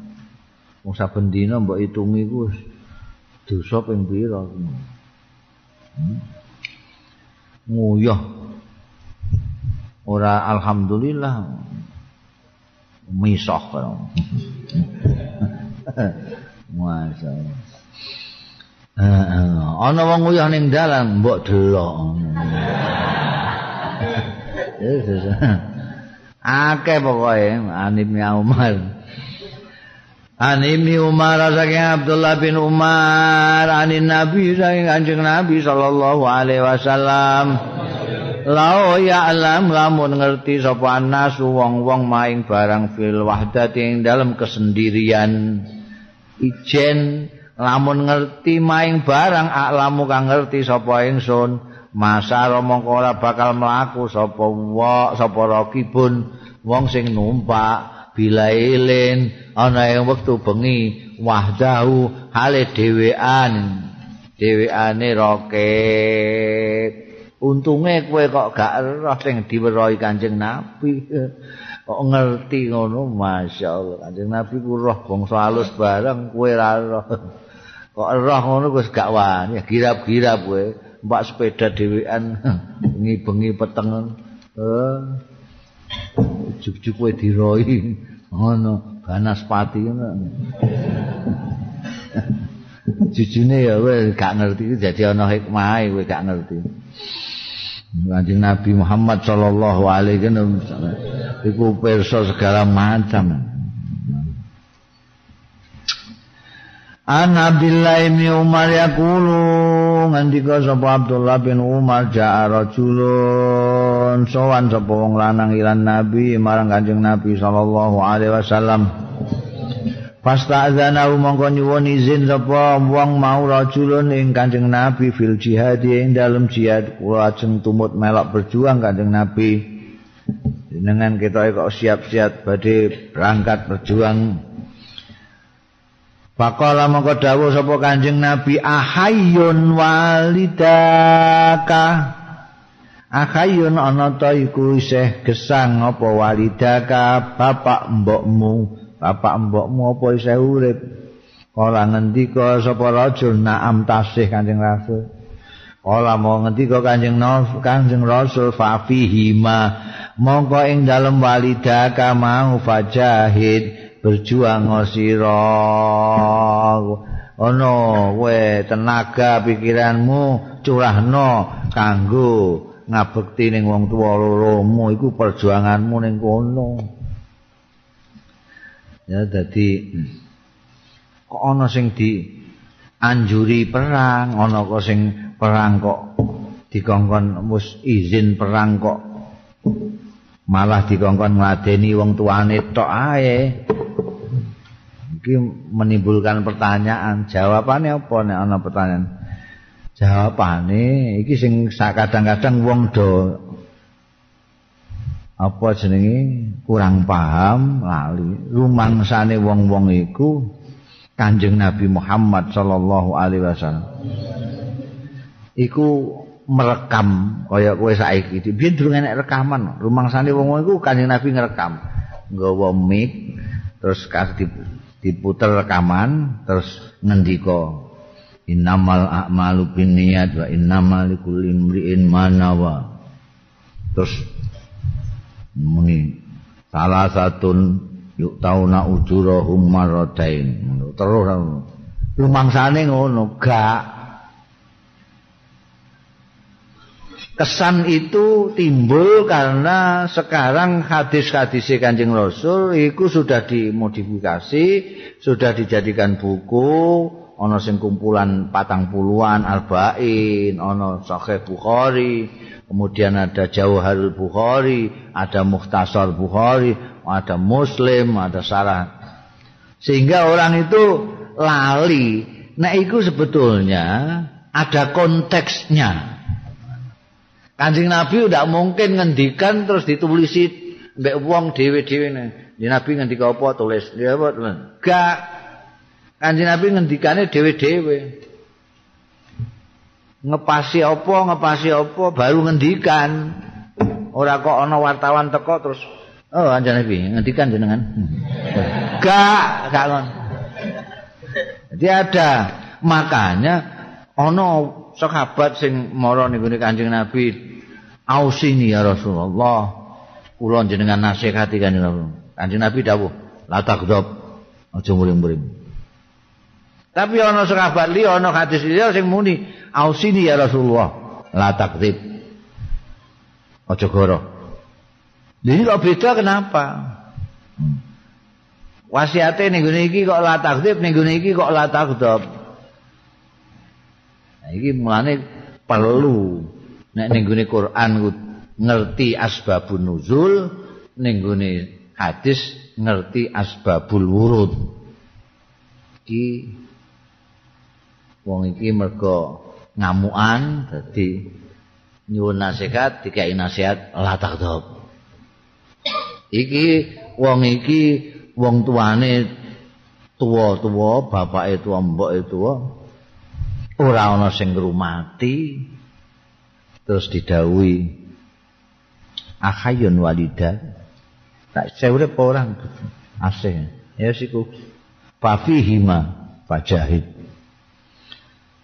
Jadi ini penting. Saiki banyak orang-orang itu sing gara-gara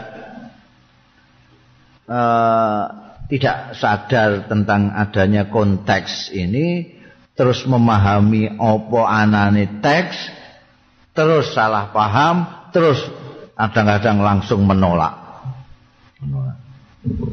Aku tahu seminar, seminar itu barengan kalau tokoh feminisme. feminisme itu tokoh yang memperjuangkan kesetaraan wanita dengan laki-laki. Ngarepe mahasiswa-mahasiswa, separuh mahasiswa-mahasiswa, separuh mahasiswi-mahasiswi. Oh. mahasiswa ana sing nakal nikah kok. Itu ada hadis Kanjeng Nabi Muhammad mengatakan nek ana wong wedok diajak turu bojone ora gelem iku ngantek esok dilaknati karo malaikat. Hmm, ngantek esok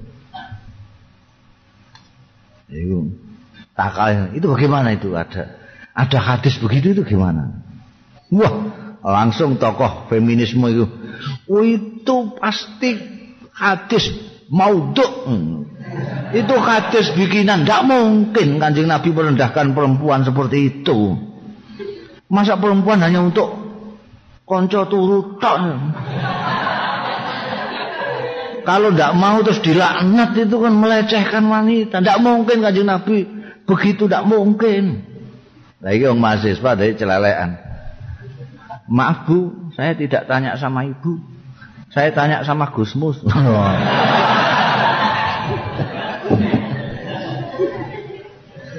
Nah, aku terus kondo gini. Jadi kita itu jangan mengira bahwa hadis-hadisnya Kanjeng Nabi itu diucapkan lewat rekaman atau ada orang yang nyadet Kanjeng Nabi ngendiko tidak. Semuanya ada konteksnya.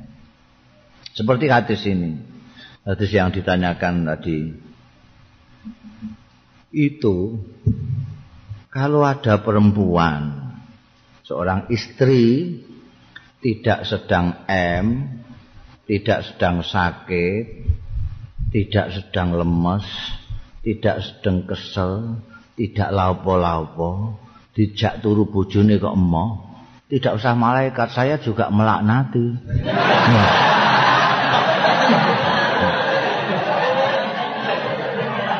Lho lah apa? Dik biyen kok di dilamar kok gelem lah apa? Eh dilamar gelem iku artine wis siap untuk dijak turu. Lho dilamar gelem kok gak gelem dijak turu. Terus sing tokoh feminisme itu kalau tafsirnya begini sokih itu.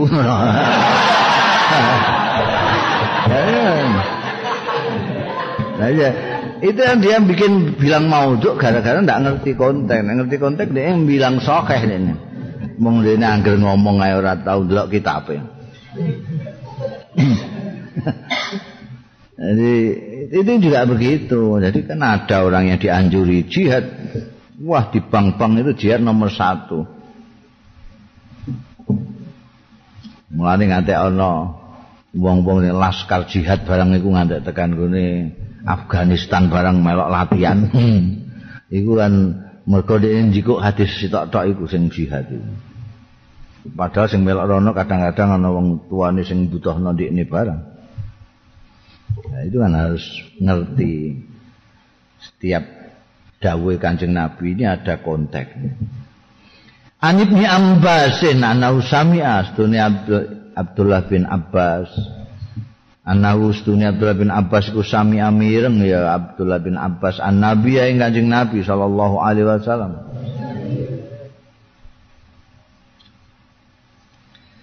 Ngendika ya kula ingkang ngendika Kanjeng Nabi layak luwan rajulun ora kena persepen temenan sapa rajulun wong lanang bi imratin kelawan wong wedok.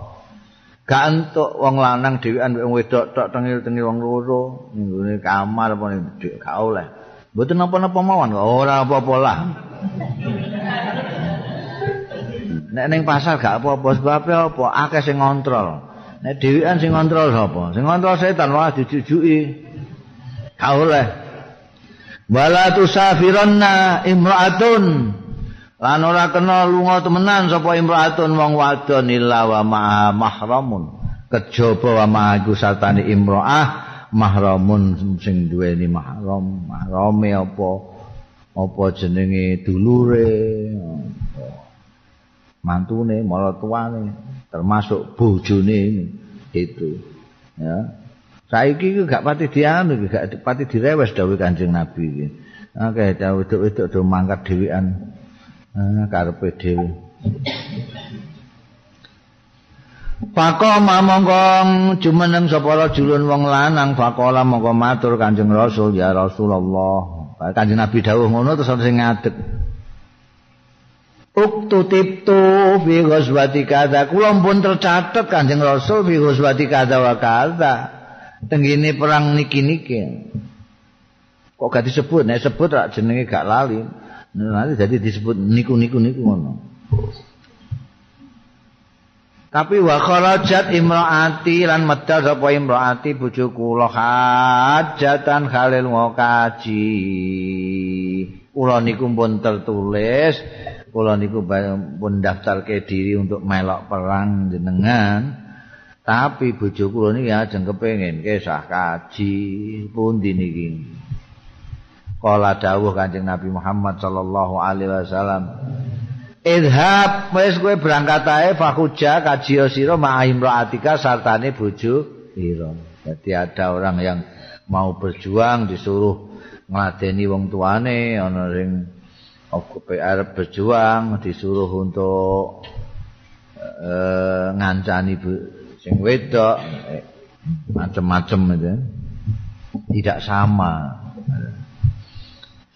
An Nabi Hurairah ta saking Nabi Hurairah ta anin Nabi saking Kanjeng Nabi sallallahu alaihi wasallam qol ngendika Kanjeng Nabi salah satun ana wong telu tiga orang tiga macam orang. Yuk tauna diparingi ya salasa ujurahum ing ganjaran-ganjarane salasa diparingi ora sepisan tapi marrotain double dua kali rong ambalan ada tiga macam orang yang ganjarannya double sapa itu pertama ar-rajulu. Wong lanang takunu kang ana lahu kedue rajul apa al amatu budak wedok wong lanang duwe budak wedok Fayu alimuha mongko mulang sapa rajul ha ing amat. Fayuhsinu taklimah mongko bagusake ya rajul taklimah ing mulang amat diwulang antek pinter.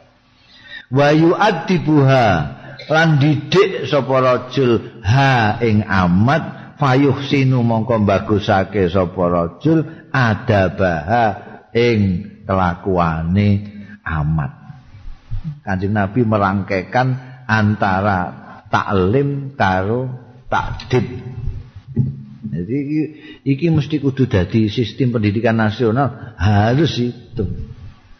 Ya dikasih pelajaran taklim, ya dididik supaya ora terjadi kayak sekarang inflasi orang pinter tapi kelakuane elek. Jadi malah ngerusak kabeh. Yang kita harapkan ada orang-orang pinter yang terdidik. Mentalnya bagus, akalnya bagus. Ojo nek pinter tok ora dididik iso sombong. Iso orang ngamal nang ilmune sak piturute. Terus no iki. Wong lanang sing tok ganjaran dobel, wong lanang sing mulang budak wedoke diwulang apik, dididik apik, sumayati kuha. Mongko keri-keri merdekakno sapa rajul mau ha ing amat sawise pinter dididik apik dibebasno. Dibebasno, dimerdekakno. Bareng wis merdeka fayat fayat fayatazawwajuha yatazawwajuha fayatazawwajuha mongko ngawini sapa rajul ha ing amat palahu mongko iku keduwe rajul ajroni utahi ganjaran loro. Wis merdekakno. Ulang barang merdekakno. Terus nomor loro. Wong telu mau.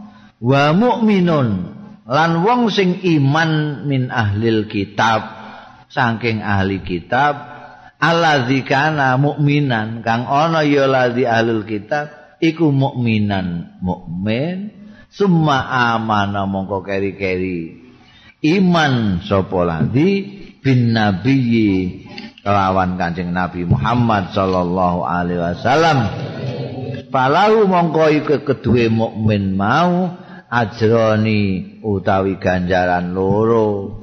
Kaya sahabat Abdullah bin Salam dulu seorang apa namanya ahlu kitab yang baik. Tapi ketika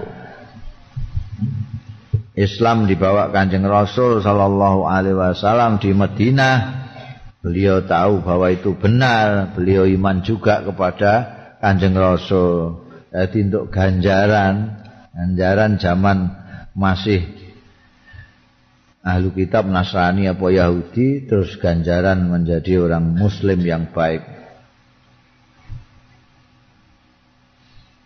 Nomor telu wal abdu lan budak alladzi yuaddi haqqallah sing nekaake ya ladzi haqqallah ing hak Allah memenuhi haknya Allah wayan sahulan berbuat baik ya abad li sayyidi marang bendarane ladzi abad.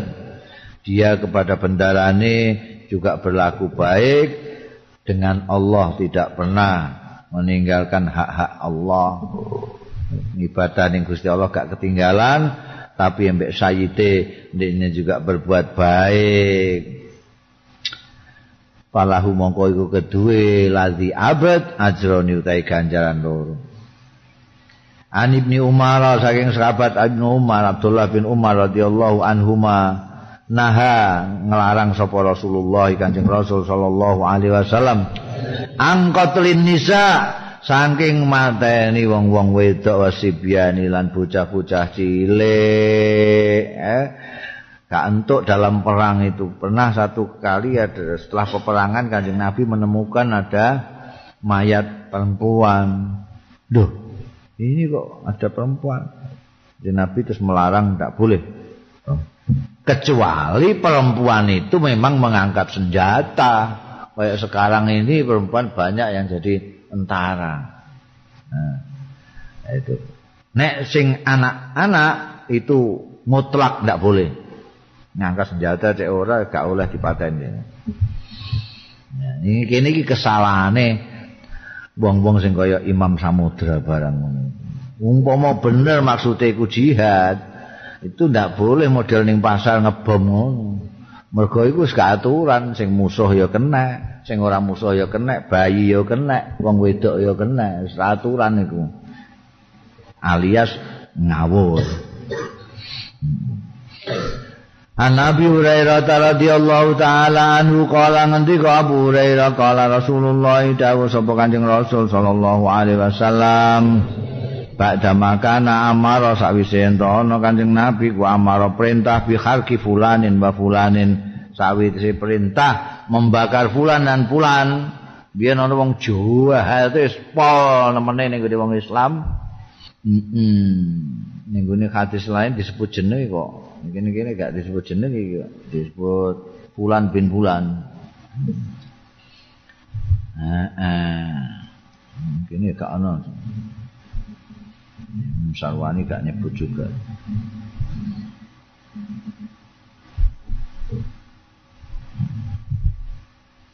Ya Habar bin Aswad sampai Nafi' bin Abdullah. Itu dulu jahat itu diperintahkan semula kanjeng Nabi merintahke diobong ae wong loro? Wong kok ngono kurang ajar. Sakwise kanjeng nabi perintah ngono terus ngendika iki Abu Hurairah. Innan nar. Kanjeng nabi ngendika innan nar setune geni iku layu azibu biha ora nyiksa biha kelawan nar sapa illallah kejaba Gusti Allah Subhanahu wa taala Jadi fa in wajadtumuhuma nek kowe nemu ketemu karo fulan bin fulan, fulan karo fulan, habar karo nafa itu. Faktuluhuma yus pateni ngono ae, wong loro mau fulan lan fulan aja diobong. Jadi di sini terus dibuat apa dalil karo ulama-ulama membakar tidak boleh menyiksa dengan membakar tidak boleh. Karena itu haknya Gusti Allah tok itu membakar dengan api neraka itu kan. Liane ora kena. An Anas bin Malikin saking sahabat Anas bin Malik radhiyallahu anhu anna Rasulullah setune Kanjeng Rasul sallallahu alaihi wasallam dakhala mlebet ya Kanjeng Rasul amal fathi ana ing tahun Fatah. Wa ala ra'sihi artinya masuk Mekah. Masuk Mekah dengan ribuan pasukan. Wong Mekah ha ana sing wani metu lawan kuancing kabeh.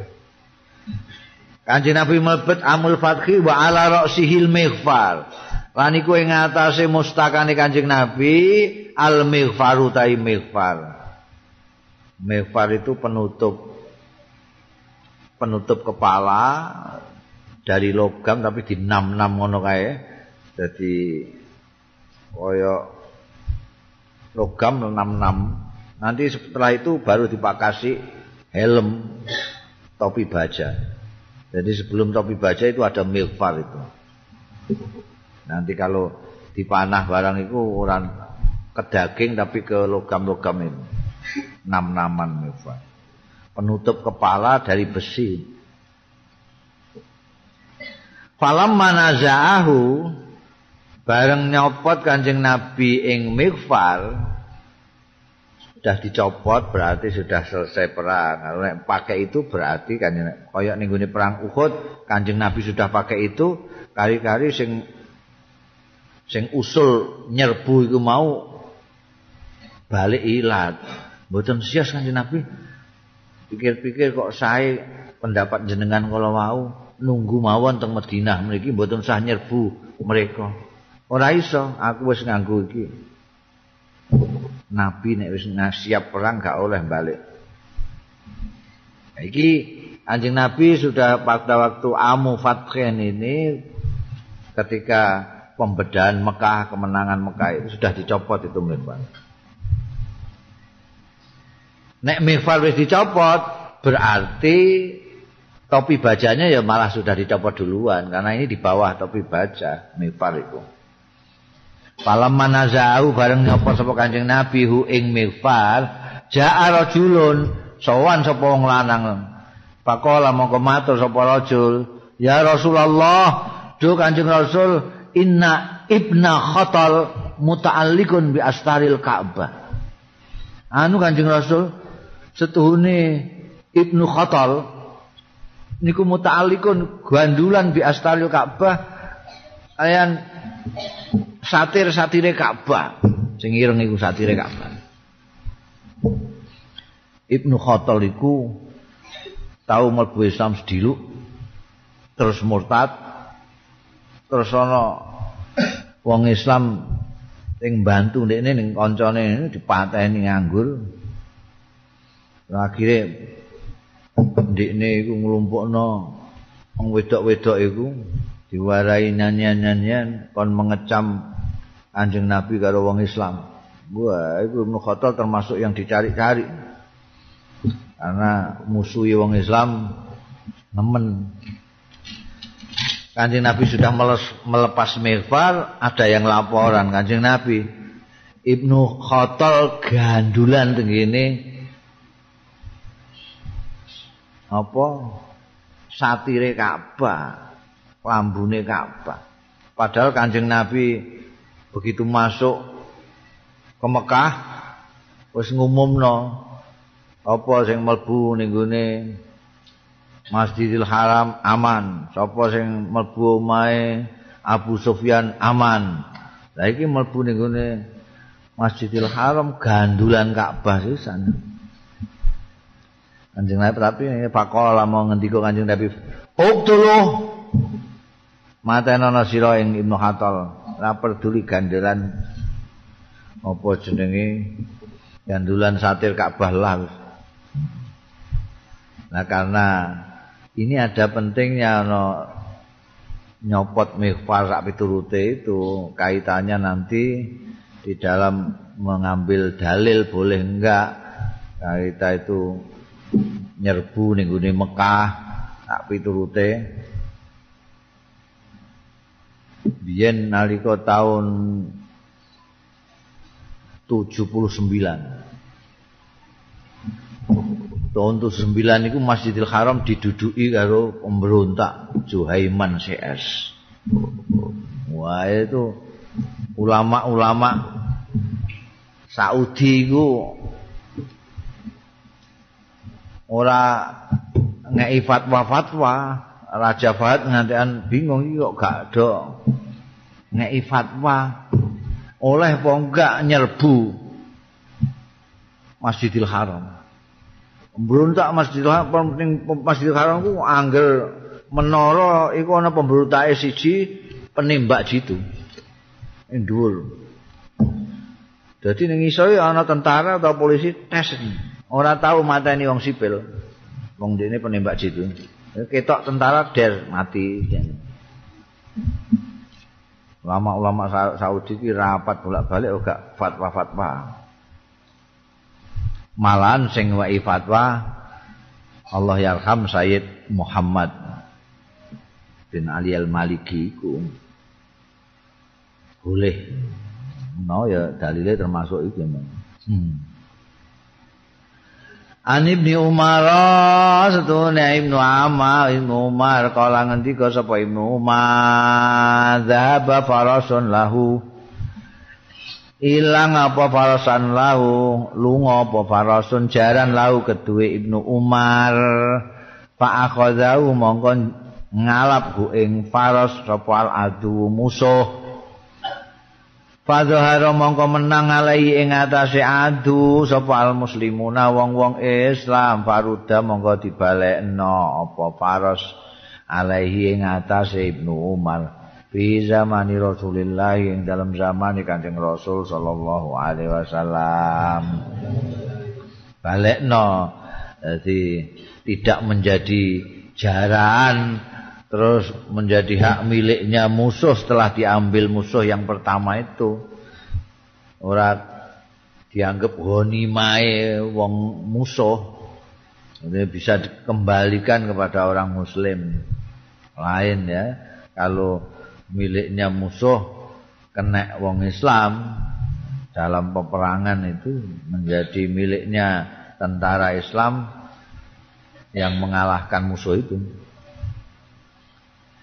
An Abi Hurairah radhiyallahu anhu anna Rasulullah sallallahu alaihi wasallam qol Ngendika Kanjeng Rasul takaffalallahu nanggung sapa Allah Gusti Allah liman jahada marang wong jahada kang berjuang ya man fisabilihi ing dalem dalane Allah la yukhrijuhu kang ora ngetokake hu ing man apa ilal jihadu kejaba jihad fisabilihi ing dalem dalane Allah.